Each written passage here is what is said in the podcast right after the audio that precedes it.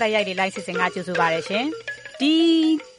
ဘက်မှာကတော့ ကမ္ဘာနေရာအတော်များများမှာပေါ့နော်ကိုရိုနာဗိုင်းရပ်စ် ကူးစက်ပြန့်နှံ့မှုတွေကြောင့်မလို့ငွေကြေးဈေးကွက်တွေမှာလည်းတိတိတသားထိခိုက်တာတွေ ကျဆင်းမှုတွေ ရှိနေတယ် စီးပွားရေးအပေါ် ရိုက်ခတ်မှုတွေကလည်း တိုးလာနေတဲ့အခါကျတော့ မြန်မာနိုင်ငံလို နေရာမျိုးမှာလည်း ဒီ virus ကူးစက်မှုတွေက မရှိသေးဘူးလို့ ထုတ်ပြန်ထားတာ ရှိပေမဲ့လို့ အခုလိုမျိုးဒီကမ္ဘာနေရာအနှံ့မှာ ကပ်ရောဂါဘေးအဖြစ်နဲ့သတ်မှတ်ထားပြီးတော့မှဒီကြကြပြန့်ပြန့် ဖြစ်ပွားနေတဲ့ဒီကိုရိုနာ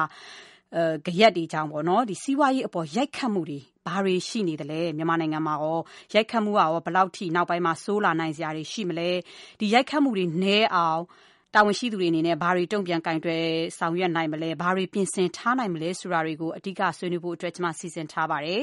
ဒီကနေ့ ဆွေးနွေးပွဲမှာဒီပင်တိုင်ဆွေးနွေးဖို့အတွက် ဖိတ်ခေါ်ထားတဲ့သူကတော့နှစ်ဦးရှိပါတယ် နိုင်ငံရေးနဲ့ စီးပွားရေး လေ့လာသုံးသပ်သူ ဦးမင်းခင်တော့အမျိုးသားဒီမိုကရေစီအဖွဲ့ချုပ် NLD ရဲ့ စီးပွားရေးအကြံပေးဟောင်းတဦးလည်း ဖြစ်ပါတယ်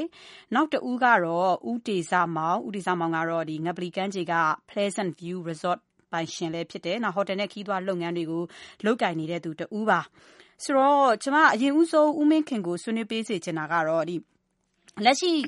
အဲဒီကိုရိုနာဗိုင်းရပ်စ်ပြန့်နှံ့မှုတွေက တနေ့တခြားဒီပြန့်နှံ့မှုနှုန်းတွေကလည်းဒါကမ္ဘာနေရာနဲ့မှာတိတိတသားကို တိုးလာနေတယ် မြမဒီဒေသတွင်းဒီမြမအိန္ဒိချင်းနိုင်ငံတွေ အပါဝင်ပေါ့နော် အထူးသဖြင့်ဆိုတာတရုတ်နိုင်ငံမှာလည်း စဖြစ်ခဲ့ပြီးတော့ ကူးစက်မှုအလုံးအများဆုံးနဲ့တိတ်ဆုံးမှု အများဆုံးကလည်း အဲ့လိုနေရာမှာ ရှိနေတာဖြစ်တယ်။ဒါပေမဲ့ မြန်မာနိုင်ငံလို နေရာမျိုးမှာ ဒီယောဂမရှိဘူးလို့ လက်ရှိအထိပေါ့နော်အတီးပြုတ်ထားတာ မရှိသေးပေမဲ့လို့လေဒီယောဂ ပြန့်ပွားမှု ကူးစက်ခံရမှာကို စိုးရိမ်ရတဲ့အခြေအနေတွေနော်ကြိုတင်ကာကွယ်ဆောင်ရွက်မှုတွေလှုပ်ဆောင်နေတာတွေရှိတဲ့အခါကျတော့ ဒီထဲမှာဆိုလို့ရှိရင်ဥမာခီးသွွာလာမှုတွေကို ကန့်သက်လိုက်တာ လေရင်ခီးစဉ်တွေဟိုဖြတ်သိမ်းလိုက်ရတာမျိုးတွေနောက်နေဆက်ဂိတ်တွေ ပိတ်လိုက်ရတာမျိုးတွေနောက်အထူးသဖြင့် မြန်မာနိုင်ငံဆိုတာက တရုတ်နိုင်ငံနဲ့ ထိစပ်ပြီးတော့မှ စီးပွားရေးလုပ်ငန်းတွေဟို အများအဖြစ်လှုပ်ဆောင်နေရတာဆိုတော့ အခုချိန်မှာဥမာစက်ယုံပိတ်ပစ်လိုက်ရတယ်ရှိတယ်ဆိုတဲ့ အခြေအနေမျိုးတွေ ရှိနေတဲ့အခါကျတော့ဒီလက်ရှိအခြေအနေမှာဒီမြန်မာနိုင်ငံမှာရော စီးပွားရေးအရာဘယ်လောက်အထိဟိုရိုက်ခတ်မှုတွေ ရှိနေတယ်လဲဆိုတော့အရင်ဆုံး ဦးမင်းခင် ဆွေးနွေးပေးပါလားရှင့် ဟုတ်ကဲ့ အခု ကျွန်တော်တို့ဒီ novel coronavirus ပေါ့နော် ဒီ coronavirus အဖြစ်ကြောင့်ဟလာဒီကမ္ဘာလုံးမှာဟလာကမ္ဘာကယောဂါကြီး ဖြစ်နေပြီ ဖြစ်နေတော့ ကျွန်တော်တို့နိုင်ငံမှာတော့အတွေ့အသေးဘူးလို့ ပြောရမှာပေါ့နော် မရှိဘူးဆိုတာလေအဲ့တော့ ဒါနဲ့ပတ်သက်လို့ လူမှုရေး စီးပွားရေးကအစ အစအရာရာ ထိခိုက်နေတာတော့သိကြတယ် တကယ်တော့ကျွန်တော်တို့ဆရာဘယ်တော့ကလေးကစထိခိုက်နေပြီလဲဆိုတော့တရုတ်မှာတရုတ်နိုင်ငံမှာဒီယောဂစဒီပိုးစပြီးတော့ကူးဆက်ပြီးတော့ယောဂစဖြစ်ကြတဲ့ကျွန်တော်တို့ကိုထိခိုက်နေတယ်အဲ့တော့ထိခိုက်တာမှာဟိုမြင်သာတဲ့အပိုင်းနဲ့အလွယ်တကူမမြင်သာတဲ့အပိုင်းနှစ်ပိုင်းရှိပါတယ်အလွယ်တကူမြင်သာတဲ့ထိခိုက်မှုတွေကတော့ဓမ္မတက္ကတရုတ်နယ်စပ်ကိုကာကွယ်ရေးပေါ့ကျွန်တော်နိုင်ငံစီးပွားရေးရဲ့ဒီ နိုင်ငံရဲ့ကုန်သွယ်မှုပမာဏရဲ့လေးပုံတစ်ပုံလောက်ကိုရှိတယ်ဒေသကုန်သွယ်ရေးမှာလာပြီးတော့အမှတ်တထိခဲ့ပါတယ်နောက်မြင်းသားထင်တာရဲ့အပိုင်းကခုနကအထည်ချုပ်တွေနောက်ပြီးတော့ဒီခီးသွွားလုပ်ငန်းတွေပေါ့နော်ဒီတွေရောအစောပိုင်းကတော့ဒီဘခီးသွွားလုပ်ငန်းပေါ့နော်အခုနောက်ပိုင်းဆိုရင်ပြည်တွင်းခီးသွွားလုပ်ငန်းကိုထိခိုက်တယ်နောက်ပြီးတော့အခုကျွန်တော်တို့ဒါကိုကြိုတင်ပြင်ဆင်တဲ့အနေနဲ့လူစုလူဝေးတွေကိုဟိုထိန်းချုပ်ရတဲ့ခါကျတော့ဟိုလူတွေအပြောင်းအများနဲ့ထိခိုက်မှုက ဒီဖျားပွဲတော်တွေနော်တခြားအချိန်ကလည်းကျွန်တော်တို့စီမှာပွဲတော်ရသည်ကိုအဲ့တော့ဒီပွဲတော်တွေကိုအားကိုးပြီးတော့ဟိုစိုက်ချိန်ပြောချိန်အလုံးမှာဟိုဝေရှာရတဲ့ဟိုအောက်ခြေလူဒန်းသားတွေပေါ့နော်အဲ့ဒီလူဒန်းသားတွေအများကြီးဟိုထိခိုက်တယ်ဒါပေမဲ့ဒါကိုပြောနေတယ်ဒါပေမဲ့ဒီဟာကိုဘယ်လိုကြိုက်ဆွဲဖြစ်ရှင်းမလဲဆိုတဲ့ကိစ္စလေးကျွန်တော်တို့လည်းလည်းဆောတာမတွေ့သေးဘူး အဲ့ဒါအပြင်စီးပွားရေးတိုင်းပြည်စီးပွားရေးတရားလုံးကိုမျိုးမျိုးစုံနဲ့ပေါ့တိုက်ရိုက်တော့၎င်းတေဝိုက်တော့၎င်းနော်ထိခိုက်တာတွေရှိနေပါပြီနော်အဲ့ဒီထိခိုက်တာမှလေပြောကြရှိတာကဒီယောဂပိုးကူးစက်မှုဒီ COVID-19 ယောဂဖြစ်ပွားတဲ့အပေါ်မှာနော်ဘယ်လိုရှိနေတုံးတက်ပြီးတော့ပြင်ဆင်မလဲနော်မကြောက်တတ်ကြဘူးကျွန်တော်တို့မှများသောအားဖြင့်မကြောက်တတ်ဘူးဆိုတာက နော်ဘယ်လိုကြောက်ရမလဲဘယ်လောက်ထိကြောက်ရမလဲဘာဒီကြောက်ရမလဲဆိုတာကိုစီးပွားရေးလောကအပါဝင်နော်မြေပေတီတီကန္နာအဒီကြီးကဟိုအချက်ပိုင်းထိပေါ့နော်လုံတော့မချစ်နိုင်နိုင်ဘူးမချစ်နိုင်နိုင်ဘူးလို့ကျွန်တော်ယူဆတယ်နော်အဲ့တော့အဲ့တော့အဲ့ဒီဟာကိုကျွန်တော်တို့ဟိုထိတိယောက်တုံ့ပြန်မှုလို့လေဘာတွေဖြစ်လာနိုင်လဲပေါ့နော်ဘာတွေဖြစ်လာနိုင်လဲဆိုတဲ့ပုံမှာလေလက်တွေ့ ဟိုအခြေအနေကိုပထမဆုံးနော်အများဆုံးနဲ့ ပထမဆုံးသိအောင်လုပ်ဖို့လိုပါတယ် ဟုတ်ကဲ့ပါဆရာ ဒါကို နောက်ပိုင်းမှာ ကျမတို့ ဆွေးနွေးခြင်းပါတယ် ဆရာထောက်ပြသလိုပေါ့နော် မကြောက်တတ်ကြတဲ့အခါမှာ ကြိုတင်ပြင်ဆင်မှုတွေကလည်း အားနည်းနိုင်ပါတယ် ဒီအခါမှာ ပို့ပြီးတော့ ရိုက်ခတ်မှုတွေ နောက်ပိုင်းမှာ ပိုဆိုးလာနိုင်ပွဲရှိမယ်လို့လည်း ထင်ပါတယ် ဆိုတော့ ဘယ်လောက်ထိ ဆိုးလာနိုင်ပွဲရှိသလဲဆိုတာတွေ ဒီပေါ်မှာ ဘယ်လိုကင်တွယ်သင့်တယ်လဲဆိုတာတွေကိုလည်း နောက်ပိုင်းမှာ ဆွေးနွေးပေးစေချင်ပါတယ် အခု ကျမဟိုဥတီစားမောင်ကိုလည်းတစ်ချက်မေးချင်ပါတယ်ဥတီစားမောင်က လက်ရှိမှာလည်းဒါခီးသွားဟိုတယ်နဲ့ခီးသွားလုပ်ငန်းကို ကိုယ်တိုင်လုပ်ကင်နေတဲ့သူတယောက်ဖြစ်တဲ့အခါကျတော့ အခုဒီကိုရိုနာဗိုင်းရပ်စ် စပြီးတော့ တရုတ်မှာ ဒီဇင်ဘာကစတွေ့ရနောက်ပိုင်းမှာအခုနိုင်ငံတွေကို ပြန်လာတယ်ဆိုတော့ အဲ့ဒီအချိန်ကစပြီးတော့ အခု မြန်မာနိုင်ငံမှာ လက်ရှိဒီခေါ်တယ်နဲ့ခီးသွွားလုပ်ငန်းမှာပေါ့နော်တိတိတာတာအပြောင်းလဲဒီရဲ့ကိုရိုနာကြောင့်မို့လို့ဒီ virus ပြန့်ပွားမှုတွေကြောင့်မို့ ရိုက်ခတ်မှုပေါ့ဗောတိတိတတအပြောင်းလဲ ဘာတွေတွေ့ရလဲဥတီစားမောင်တို့ လုပ်ငန်းထဲမှာကောဟိုအပြောင်းလဲပေါ့နော်ဒီဟိုလှုပ်လိုက်ရတာမျိုးတွေဘလို့အခြေအနေတွေရှိတယ်လဲဆိုတာ နည်းနည်းတော့ပြောပြပေးပါရှင်ဟုတ်ကဲ့ဒီအခု COVID-19 နဲ့ ပတ်သက်လို့ပေါ့နော်အဲ လွန်ခဲ့တဲ့ဒီဇင်ဘာလလောက်ကတည်းကစပြီးတော့ကျွန်တော်တို့စီမှာအဲအရင်ဆုံးဒီ reservation တွေပေါ့နော်အဲ့ဒါတွေကစပြီးတော့ဟိုဟိုကြာလာတာပေါ့နော်နောက်တစ်ခါပြီးတော့မှအခုတက်တလုံးမှာတော့ပြင် cancellation တွေဖြစ်လာတယ်ဖြစ်တာတွေတော်တော်များလာပါတယ်အဲ့တော့ဟိုနိုင်ရှင်ပြီးပြောရမယ်ဆိုလို့ရှိရင်မိနစ်ကဒီလိုအချိန်မှာဆိုရင်ကျွန်တော်တို့စီမှာအဲရှိတဲ့ဒီဧည့်သည်ဝင်ရောက်မှုနှုန်းရဲ့တဝက်လောက်ကိုအခု ဒီလထဲမှာကြာသွားပါတယ်။နောက်လာမယ့်လဆိုလို့ရှိရင်လည်းပဲအဲဒီဧပြီလအရင်တော့ဆိုရင်တော့ကျွန်တော်တို့ဒီတင်းညံကာလပေါ့ခင်ဗျာ။အဲ့တော့ဟိုတယ်နဲ့ခီးတွားလုပ်ငန်းတွေအတွက်တကယ်ဟို peak ဆိုတဲ့အနေအထားမျိုးကနေပြီးတော့မှအခုရုတ်တရက်ဒီလိုကဘာနဲ့ရှင်ပြီးဖြစ်တဲ့ဒီယောဂကဆူကြီးကြောင့်မို့လို့ဒီရိုက်ခတ်မှုဟာအင်မတန်ကိုဟိုကြီးမားပါတယ်အခုဆိုရင်ကျွန်တော်တို့ AB လာမှာဆိုရင်20ရက်လောက်ထိပဲကျွန်တော်တို့ဧည့်သည် ရှိပါတော့တယ်အဲ့ဒီနောက်ပိုင်းဧည့်သည်ကျွန်တော်တို့မရှိတော့ပါဘူး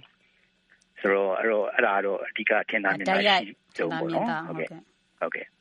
ဟုတ်ကဲ့ဟိုအထူးသဖြင့်ဆိုလို့ရှိရင်နောက်ပိုင်းမှာလည်းဒီကမ္ဘာလက်ခီးသွားတွေလာကြတယ်ဆိုလို့ရှိရင်လည်းအာရှနိုင်ငံတွေကများတာအထူးသဖြင့်တရုတ်နိုင်ငံသားတွေကအများစုဆိုတာမျိုးဖြစ်လာတယ်ဒါပေမဲ့အခုဒီ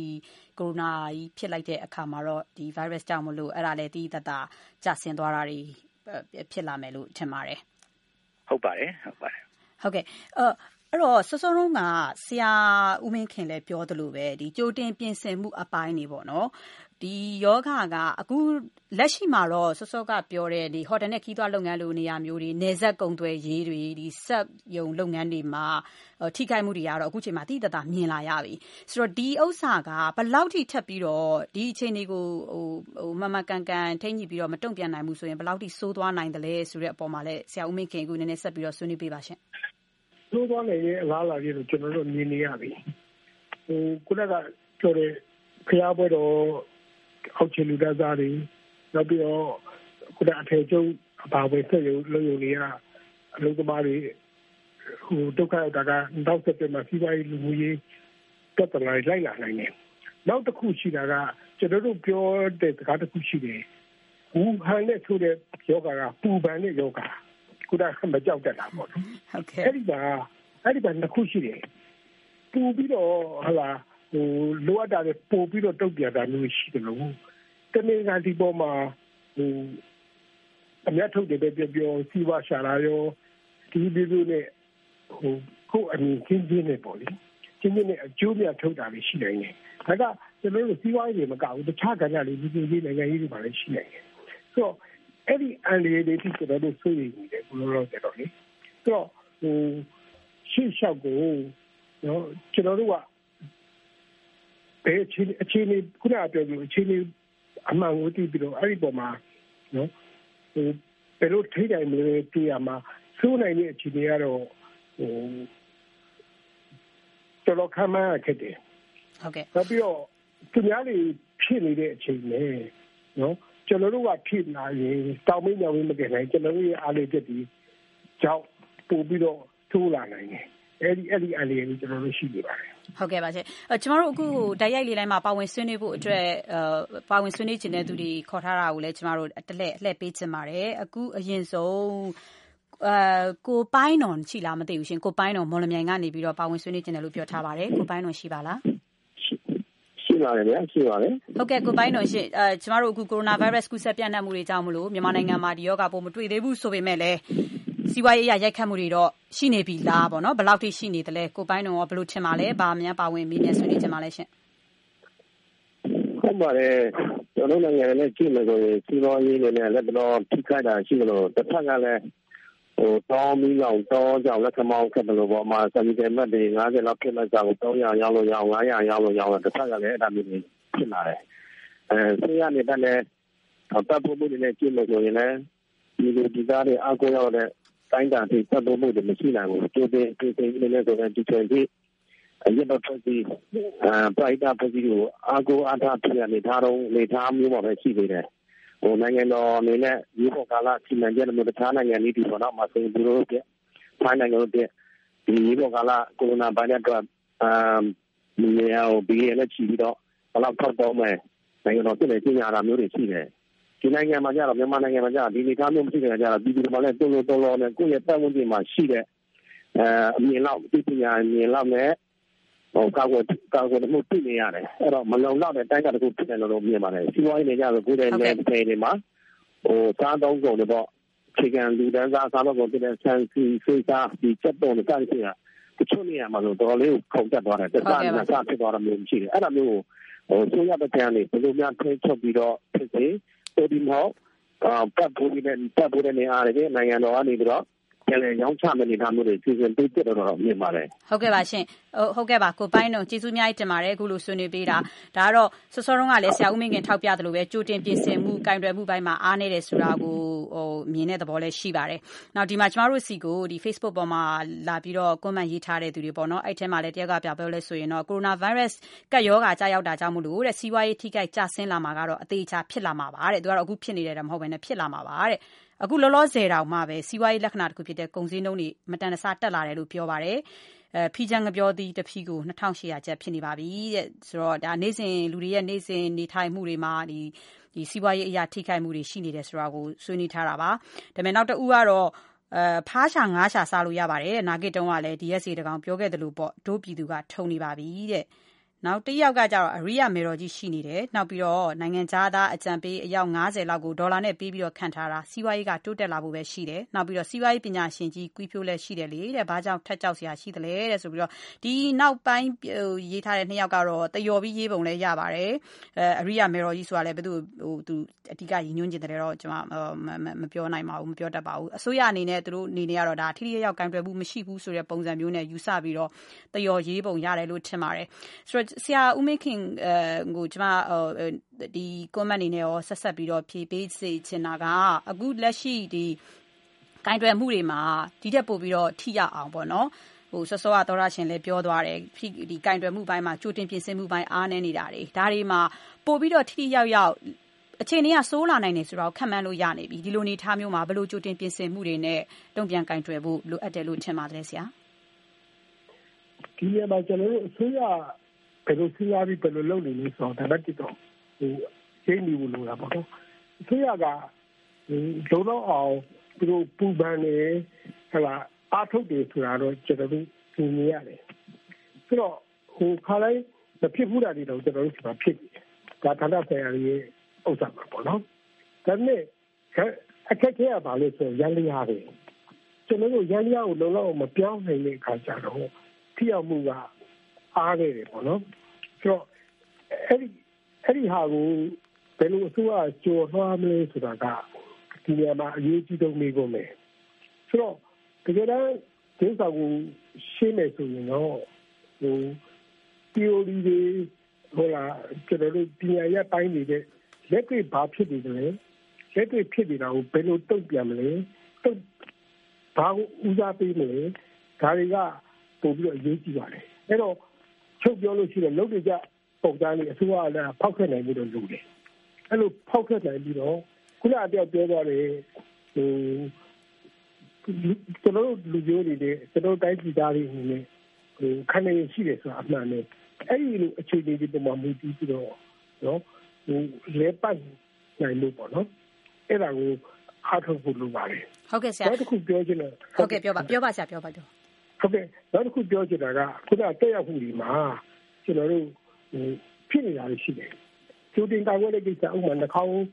စီပေါ့ mask ပေါ့နှာခေါင်းစီဆိုရင်ငကို1500တန်ကအခု3200ဖြစ်သွားပြီပြည်ချနေရအောင်နော်စောင်းစီစောင်းစီပုံမှန်တန်တစ်ထောင်ထောင်ထောင်က2000ဈေးကွက်ထဲမှာလေးစီအယောင်းဝယ်ဖြစ်တာကတန်4000က5000ဖြစ်သွားတယ်ဒါကနမူနာပေါ့နော်စီဝါရေးရဟို အများထုတ်ဖို့ကြိုးစားလေးဟာမျိုးပေါ့ဒါမျိုးတွေကိုကျွန်တော်တို့ကတစ်ဖက်ကကာကွယ်ဖို့ဒီကြိုးပြီးပြစ်ဖို့ကိစ္စမှာဒီလိုလေးဖြစ်နေတယ်ဆိုတာကိုကျွန်တော်သိနေတယ်ဒီနှာခေါင်းကြီးတွေကကျမကြီးဝန်ထမ်းတွေတကယ်ရှင်းတန်းတိုက်ပွဲဝင်နေကျမကြီးဝန်ထမ်းတွေတွေ့ဟိုမရှိမဖြစ်ဆိုတာကိုကြိုတင်ကာကွယ်ဖို့ခုနကစီးပွားရေးပါရီကလည်းအလေးကြီးမှာဟို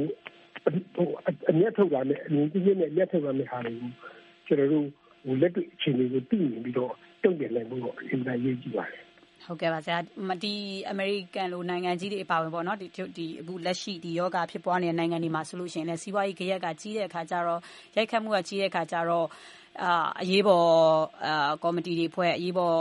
တုံ့ပြန်ကိုင်တွယ်ရေးအဖွဲ့တွေဖွဲ့ပြီးတော့မှသမ္မတတွေကိုယ်တိုင်ညွှန်ကြားချက်တွေထုတ်ပြီးတော့မှထိထိရောက်ရောက်လုပ်နေတာတွေကတော့ဒီနိုင်ငံတွေမှာတော့ရှိတာပေါ့။ဗဟိုဘဏ်ကနေပြီးတော့မှအတိုးနှုန်းသတ်မှတ်နှုန်းတွေချပေးလိုက်တာအပါအဝင်အရေးပေါ်အခြေအနေကြေညာတယ်ဆိုရင်လည်းစောစောကဆရာဦးမင်းခင်ပြောပြသလိုထောက်ပြတဲ့အချက်တခုလိုအခုဆိုရင်နှာခေါင်းစည်းတွေဈေးတက်သွားတယ်ဆိုတဲ့ဟာမျိုးတွေ၊ကုန်ဈေးနှုန်းတွေဈေးမတက်အောင်ဒီနိုင်ငံတွေမှာတော့ပြန်ပြီးတော့ထိန်းညှိပေးထားတာတွေဒါမျိုးတွေအရေးပေါ်အခြေအနေကြေညာပြီဆိုရင် ဒီ consumer ဒီဒီစားသုံးသူတွေအတွက်ဟိုအဲ့လိုလှုပ်ချင်တိုင်းလှုပ်လို့မရတဲ့ အခြေအနေ ဟန်တာထားတွေ ရှိတဲ့အပြင်ကိုပဲ ဒီအစိုးရကနေပြီးတော့မှ ဒီဈေးကွက်ကြီးရက်မသွားအောင် ပြည်သူတွေကို ဘယ်လိုထောက်ပံ့ပေးနိုင်မလဲ ငွေကြေးလက်ထဲကို ဘယ်လိုထည့်ပေးနိုင်မလဲ ဆိုတာတွေကအစာဒီနိုင်ငံတွေမှာတော့ ထိရရောက်ကင်တွယ်နေတာတွေ ရှိတာပေါ့လေ။ဒါကြောင့်ဟိုဟိုဦးဒေစာမောင်လည်းတစ်ချက်မေးချင်ပါတယ်ဒီဟိုတယ်နဲ့ခီးသွွားလုပ်ငန်းတွေမှာဟို အခုလိုမျိုး ဒီလိုမျိုးလုပ်ငန်းတွေမှာ လက်ရှိအခြေအနေမှာပဲ ခရီးသည်တွေ ကျသွားတယ် ကျသွားပြီဆိုတဲ့ဟိုက ဝန်ဆောင်မှုပေးတဲ့သူတွေအတွက်လည်းဒါအလုတ်လက်မဲ့တွေ ဖြစ်လာဖို့တွေ ရှိလာမယ် ဒီလုပ်ငန်းတွေမှာလည်း ဝင်ငွေထိခိုက်တာတွေ ရှိလာမယ် ဒီအပေါ်မှာ အစိုးရအနေနဲ့ ဘာတွေလုပ်ပေးသင့်တယ်လို့ဒီကိုယ်တိုင်လုပ်ငန်းလုပ်နေတဲ့သူတယောက်အနေနဲ့ ဒီချိန်မှာ ဘယ်လိုပံ့ပိုးမှုတွေ လိုအပ်နေပါလဲရှင်အဲအခုလက်တလုံးမှာတော့ ကျွန်တော်တို့ဟို လက်ရှိကျွန်တော်တို့သတင်းချတာပေါ့နော်အခုဟိုလူမိုင်းဝင်ကြီးဌာနကနေပြီးတော့မှဒီလူမှုဖလုံရေးနဲ့ပတ်သက်ပြီးတော့မှပေါ့နော်ကျွန်တော်တို့ဒီပေးသွင်းရမယ့်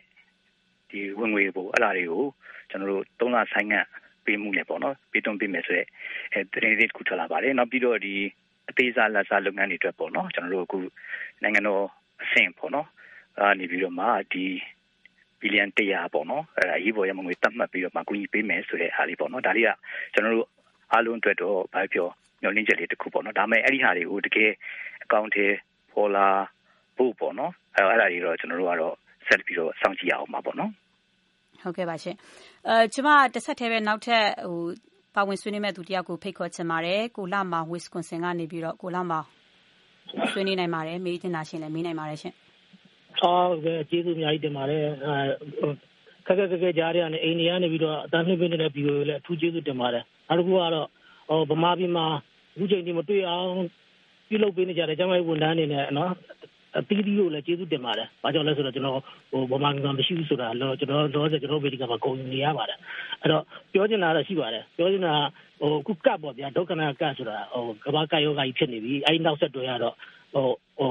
ယောဂနာကနောက်မှာဒုက္ခနာကတ်ဆိုတာခုငါမှု မှုတွေကကျွန်တော်တို့ဒီမှာလည်းရှိလာပါတယ်ငါ့ဘုတ်တယ်ဆိုတာအစာရည်စားပြက်လက်လို့ဟိုဝယ်မရပြမရတွေရှိလာပါတယ်အဲဒီနောက်မှာကျွန်တော်ဆွေးစေဟိုဘီယိုရလည်းဆွေးနေကြတာဒီကယောဂယောဂနဲ့ခုငါမှုနောက်တစ်ခု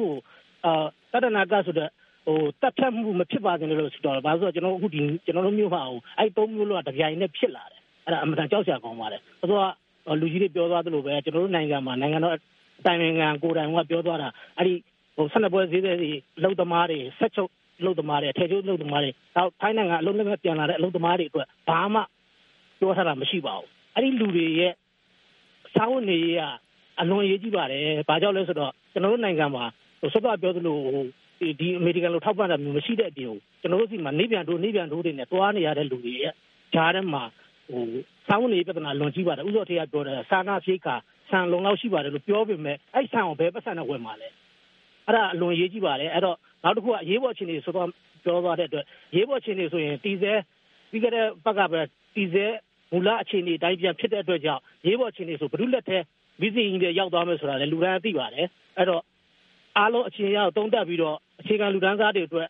အလွန်ဆုံးအခုကျစပြီးတော့ကျွန်တော်ကျွန်တော်ကဆိုရင်တော့အခြေခံလူတန်းစားတွေစမ်းနေအလကားပေးလိုက်ပါဗျာ အဲ့လိုစဉ်းစားတင်ပါတယ်လို့ကျွန်တော်အကြံပြုချင်ပါတယ်ဟုတ်ကဲ့ဟုတ်ကဲ့ဟုတ်ကဲ့ကိုလာမောင်ကျေးဇူးအများကြီးတင်ပါတယ်အဲ့လိုလုံနိုင်ရင်တော့လည်းအကောင်းဆုံးပေါ့နော်ကျွန်မတစ်ဆက်ထဲမှာပဲကျွန်တော်တို့စီကိုအာစာနဲ့ရေးသားပြီးတော့ဆွေးနွေးထားတဲ့အဲဦးစိန်မောင်မိထီလာကဆွေးနွေးထားတာကိုလည်းတစ်ချက်သေးတခါတည်းမဆုမွန်ကဖတ်ပြထားပါတယ်တစ်ချက်နားထောင်ကြည့်ပါအောင်ရှင်စီးပွားရေးရိုက်ခတ်မှုအများဆုံးခံရတာကတော့စားတောက်ကုန်နဲ့လူသုံးကုန်ပစ္စည်းဖြန့်ဖြူးမှုပါပဲကြက်တဲသွားမှာနဲ့ရော်နေကြဆင်းသွားမှာကတော့အစိုးရရဆုံးပါဘာကြောင့်လဲဆိုတော့ ပြည်သူအများစုက စိုးရိမ်မှုတွေနဲ့ ဝယ်ယူစုဆောင်း သိုလှောင်နေကြတာပဲ ဖြစ်ပါတယ်။ COVID-19 ဂယက် ရက်ရှည်လေ အခက်ခဲတွေ့ရလေ ဖြစ်လာနိုင်ပါတယ်။မြန်မာနိုင်ငံမှာ ဒီလို စီးပွားရေးရိုက်ခတ်မှုနည်းအောင် လုပ်သင့်တယ် ထင်တာကတော့ ပြည်သူတွေက အစိုးရိမ်လွန်ပြီး တလစာ နှစ်လစာ လုံလောက်ရုံထက် ပိုပြီးစားသောက်ကုန်တွေ ဝယ်ယူစုဆောင်း သိုလှောင်တာတွေ မလုပ်ဖို့၊ကုန်သည်ပွဲစားတွေက ကုန်ပစ္စည်းတွေ သိုလှောင်ပြီး ဈေးကစားတာတွေကို တားဆီးအရေးယူဖို့ ကူးသန်းရောင်းဝယ်မှုမှာ အန္တရာယ်မဖြစ်လောက်တဲ့နည်းနဲ့ သွင်းကုန်ထုတ်ကုန်တွေကို ခွင့်ပြုနိုင်ဖို့ အခွန်အတုတ်တွေကို လျှော့ချဆွဲဆောင်ဖို့တွေကို ပညာပေးတာရော အရေးယူမှုတွေပါ လုပ်သင့်တယ်လို့ ထင်ပါတယ်။အဲဒီလိုလုပ်နိုင်ဖို့ အစိုးရနဲ့ ကုန်သည်ကြီးများအသင်းတို့ ညှိနှိုင်းပြီးစီမံဆောင်ရွက်ဖို့ လုပ်ပေးရမယ်လို့ ထင်ပါကြောင်းခင်ဗျာ ဆိုပြီး ဦးစိန်မောင် မိထ္ထီလာက ရေးထားပါတယ်ရှင်။ဟုတ်ကဲ့ဒီကျမတို့ကို စာနဲ့ပဲပြောဒီမှာလာပြီးတော့ comment ရေးတဲ့သူတွေ ပြောတဲ့သူတွေ အများစုကတော့ အကုန်လုံးကတော့ လက်ရှိမှာဒီရိုက်ခတ်မှုကတော့တိတတာတွေ့လာရတာတွေ ရှိတယ် ဆိုတော့ အခက်ခဲတွေက ပို့ပြီးတော့ရက်ရေရေရှည်ဖြစ်လာလေ ပို့ပြီးတော့ ထိခိုက်ဖို့ပဲ ရှိတယ်ဆိုတာတွေကိုပဲ အဓိက ဆွေးနွေးထားတာ တွေ့ရပါတယ် ကျမတို့ အခုဟိုအချိန်နောက်ဆုံးပိတ် မကုန်ခင်မှာပေါ့လေကျမဟိုဆရာဦးမင်းခင်ကိုဦးတေစာမောင်ကိုကောဟို နောက်ဆုံးအနေနဲ့ ဆွေးနွေးပေးစေချင်တာကတော့ ဒီလိုမျိုးအခြေအနေကကင်တွယ်မှုတွေက မထိရောက်ဘူးဆိုရင်တော့ ရှေ့လျှောက်မှာ ပိုဆိုးလာဖို့ပဲရှိတယ်ဆိုတဲ့ အမြင်တွေပေါ့နော် ဆိုတော့ အဲ့ဒါကဘလောက်ထိအာစိုးရင်စရာအာအခြေအနေဖြစ်လာနိုင်ပြီးတော့ဒီလက်ရှိကင်တွယ်မှုတွေက အင်မတန်ကိုပဲ တကယ်ကိုပဲအဲစိုးရင်စရာရှိနေလား ဒါမှမဟုတ် ထိထိရောက်ရောက်ကင်တွယ်နိုင်မဲ့အလားလာကိုမြင်ရပါသလားရှင်တကယ်လို့ကင်တွယ်နိုင်မယ်ဆိုလို့ရှိရင် မြန်မာနိုင်ငံအနေနဲ့ ဒီအခြေအနေကို ဘယ်လိုပုံစံမျိုးနဲ့ ကျော်လွှားနိုင်မလဲစင်းရဲတဲ့နိုင်ငံတစ်ခုဖြစ်တာရော နောက်အာ ဆိုတော့တောင့်ခံနိုင်ပါမလားပေါ့နော်ဆရာရဲ့အမြင်လေးပိတ်ဆွေးနွေးပေးပါရှင့်ဟုတ်ကဲ့ကျွန်တော်တို့ခုနကပြောတဲ့အတိုင်းဟိုအစိုးရကတန်နိုင်ဆုံးစူးစမ်းနေပြီနေနေတယ်ဆိုပေမဲ့မလုံလောက်တာတော့မှန်တယ်ဆိုတော့ကျွန်တော်ပြောတဲ့စကားအတိုင်းမကြောက်တတ်တဲ့ထဲမှာနိုင်ငံရေးတရားရောကဏ္ဍအသီးသီးပေါ့နော်စီစီပွားရေးဥဆောင်နေတဲ့လူတွေလည်းမကြောက်တတ်တဲ့ထဲမှာပါနေတယ်ပါနေတော့ ကျွန်တော်တို့ကထုံးစံတိုင်းပဲကျွန်တော်တို့ဟိုဒေါ်ဆက်စီပြောတော့လေပြည်သူကအဓိကဆိုလို့ပဲကျွန်တော်တို့ရဲ့ social capital ဖြစ်တဲ့တိုင်းပြည်ပြည်သားကိုပဲအားကိုးရအောင်ပါပဲဆိုတော့ချက်တွေအဲ့လိုအားကိုးပြီးတော့ဘယ်လိုလဲပတ်နိုင်မလဲပေါ့နော်ဟုတ်လားအဲ့ဒီဟာခုနကကျွန်တော်ပြောတဲ့လက်တွေ့အခြေအနေနဲ့ရှင်းပြီးတော့ဟိုအတက်နိုင်ဆုံးခုခံနိုင်လို့လို့လေနောက်တစ်ချက်ကကျွန်တော်ရဲ့အိန္ဒိယတိုင်းပြည်ရှိတယ်တရုတ်နိုင်ငံထိုင်းနိုင်ငံအိန္ဒိယနိုင်ငံနော် ဒီလိုနိုင်ငံလေးနဲ့ဟိုအလီဆက်ဆုံးဟိုနိုင်ငံသားကြီးကလည်းတက်တက်လည်းလုံနိုင်မှုလို့တယ်ပူပေါင်းပြီးလုပ်နိုင်ရမယ်ဒါကကျွန်တော်တို့ရဲ့ဟိုကျွန်တော်နိုင်ငံအတွက်ဟိုအသေးရှင်လို့ပွဲမျိုးသူကျွန်တော်ယူဆတယ်ဆိုတော့ဆိုတာကဟိုကျွန်တော်တို့မမှန်းနိုင်အောင်သူကျင်လဲသူ့နိုင်တယ် exit test ဆိုတာပေါ့နော်ဟုတ်ကဲ့အဲ့တော့မှဒီကစီးပွားရေး globalization လို့ဖြစ်လာနေတဲ့ခါကျတော့ဟိုအတက်နိုင်ဆုံးဟလာလူထုကို စီယုံပြီးတော့တွားနိုင်တာကပဲဟိုကျွန်တော်တို့ကအကောင်းဆုံးအဖြစ်ရမယ်လို့ဆိုပါတယ်ဟုတ်ကဲ့ဆရာဦးမခင်ကျေးဇူးတင်ပါတယ်ရှင်ဦးတေဆောင်မောင်ကိုလည်းဆွေးနွေးကြည့်ပါတယ်ဒီခီးသွားလာမှုအရေးအတွက်တွေညော့သွားတာတို့အခုဦးတေဆောင်မောင်တို့လုပ်ငန်းမှာတိုက်ရိုက်ထိခိုက်မှုတွေရှိတယ်ဆိုတာဆောစောကလည်းပြောခဲ့တယ်ဆိုတော့အခြေအနေထက်ဆိုးမလာအောင်ဟိုဘာတွေပြင်ဆင်ထားတင်ပါသလဲဦးတေဆောင်မောင်တို့အနေနဲ့ရောဘာတွေဒီရှေ့လာမယ့်အလားအလာအတွက်ဘာတွေလုပ်ထားပါလဲရှင်ဟုတ်ကဲ့အခုကျွန်တော်တို့အစိုးရဘာလုပ်ပေးမလဲဆိုတာတခုတည်းကိုပဲကျွန်တော်တို့စောင့်နေ ရေးတာမျိုးမဟုတ်ပဲနဲ့ပေါ့နော်ကို့အဖွဲ့အစည်းအကြောင်းကိုအတိဆုံးပါအဲ့တော့ကို့အဖွဲ့အစည်းအတွင်းမှာကိုဘာတွေလုပ်တင်တယ်လဲဘာတွေလုပ်ရမလဲဆိုတဲ့ဟာပေါ့နော်နောက်ဘာပဲပြောပြောအခုကျွန်တော်တို့လူမျိုးဒီဟိုဝေဖန်နဲ့အကြံပေးတယ်အဲဆိုတဲ့စကားမျိုးထူလာတဲ့လက်တွေ့ပေါ့နော်လုပ်ရတဲ့တက်တည်ပြဖို့လိုပါမယ်။ဘာလို့ဆိုတော့ဒီဖြစ်ပျက်ကြီးကကျွန်တော်တို့တက်တမ်းမှာတော့ဖြစ်ပေါ့နော်။ဟိုဟိုတခါမှမကြုံဘူးသေးတဲ့တကယ့်ကိုကြီးမားကျယ်ပြန့်တဲ့ဒီကာယောဂါဆိုကြီးဖြစ်ပါတယ်။အဲ့တော့အခုကျွန်တော်တို့ကတော့ကျွန်တော်တို့ဒီလက်ရှိကျွန်တော်တို့ ဟိုမှာရှိတဲ့ဟိုတယ်ဇုံ20ရဲ့ဇုံတစ်ခုရခိုင်ဇုံမှာဟိုဟိုတယ်ကျွန်တော်အားလုံးပေါင်းဟိုတယ်လုံးဟိုတယ်နဲ့ guest house 9 90လောက်ရှိပါတယ်အဲ့တော့အဲ့ဒီမှာလည်းပဲအခုပွဲစည်းတွေချင်းချင်းပေါ့နော်တယောက်နဲ့တယောက်ဟိုတည်င်းတွေစစ်မပြတ်လှည့်ပြီးတော့ကအခုလက်ရှိဖြစ်နေတဲ့နောက်ဆုံးဟလာဒီဧည့်သည်နဲ့ပတ်သက်ပေါ့နော်ဝန်ဆောင်မှုအခုဖြစ်သွားတဲ့ဒီ cancellation တွေကိုကျွန်တော်တို့ဘယ်လိုပုံစံမျိုးနဲ့ကျွန်တော်တို့အကောင်းဆုံးဖြေရှင်းမလဲပေါ့နော်အဲ့ဒါကိုကျွန်တော်တို့အဓိကထားပြီးတော့ပြင်ဆင်နေပါတယ်ပြီးတော့ဒီ ရှေ့ကာလာမဲ့ကာလာမှာကျွန်တော်အချိန်နည်းနည်းလေးကုန်နေလို့မြန်မြန်လေးဟုတ်ကဲ့အဲပေါ့ကျွန်တော်တို့ဒီ off season တွေကိုရောက်သွားပါပြီအဲ့တော့ဘာပဲပြောပြောအဲ့ဒီကာလာဘာပဲပြောကျွန်တော်တို့ဒါဒီလည်းပဲအတိုင်းအတာတစ်ခုတည်းကျွန်တော်တို့ဒီခီးသွားလုပ်ငန်းနဲ့ပတ်သက်ပြီးတော့ကအဲ့ဒီတွေကိုကျွန်တော်တို့ဟိုပါပေါ့နော်ဟိုကျွန်တော်တို့ဟိုပါပေါ့ဒီအရာနဲ့ပတ်သက်လို့အနေနဲ့ကင်းအောင်ကျွန်တော်တို့လုပ်သွားနေတဲ့အနေထားကာလတစ်ခုထိရောက်သွားပါတယ်။ဟုတ်ကဲ့ဒီဆောင်မှာကျေးဇူးများတင်ပါတယ်ရှင်။ဟုတ်ကဲ့ကျွန်တော်တို့အချိန်ကတမတ်ချက်ကုန်သွားလို့ပါ။အားလုံးပြည်ပြည်လုံးလုံးနဲ့ဒီကာယောဂါ ဝိုင်းပြီးတော့ဝိုင်းပြီးတော့မှကျွန်တော်တို့တိုက်ဖြစ်ဖို့ပဲကျွန်တော်အဲ့ဒါအကြံပြုချင်ပါတယ်ခင်ဗျာဟုတ်ကဲ့ပါရှင်ကျေးဇူးအများကြီးတင်ပါတယ်ကျွန်တော်တို့တိုက်ရိုက်လေးလိုက်စစ်အချိန်ကုန်သွားလို့ပါပါဝင်ဆွေးနွေးပေးကြတဲ့သူတွေအားလုံးကိုကျေးဇူးထူးတင်ပါတယ်ရှင်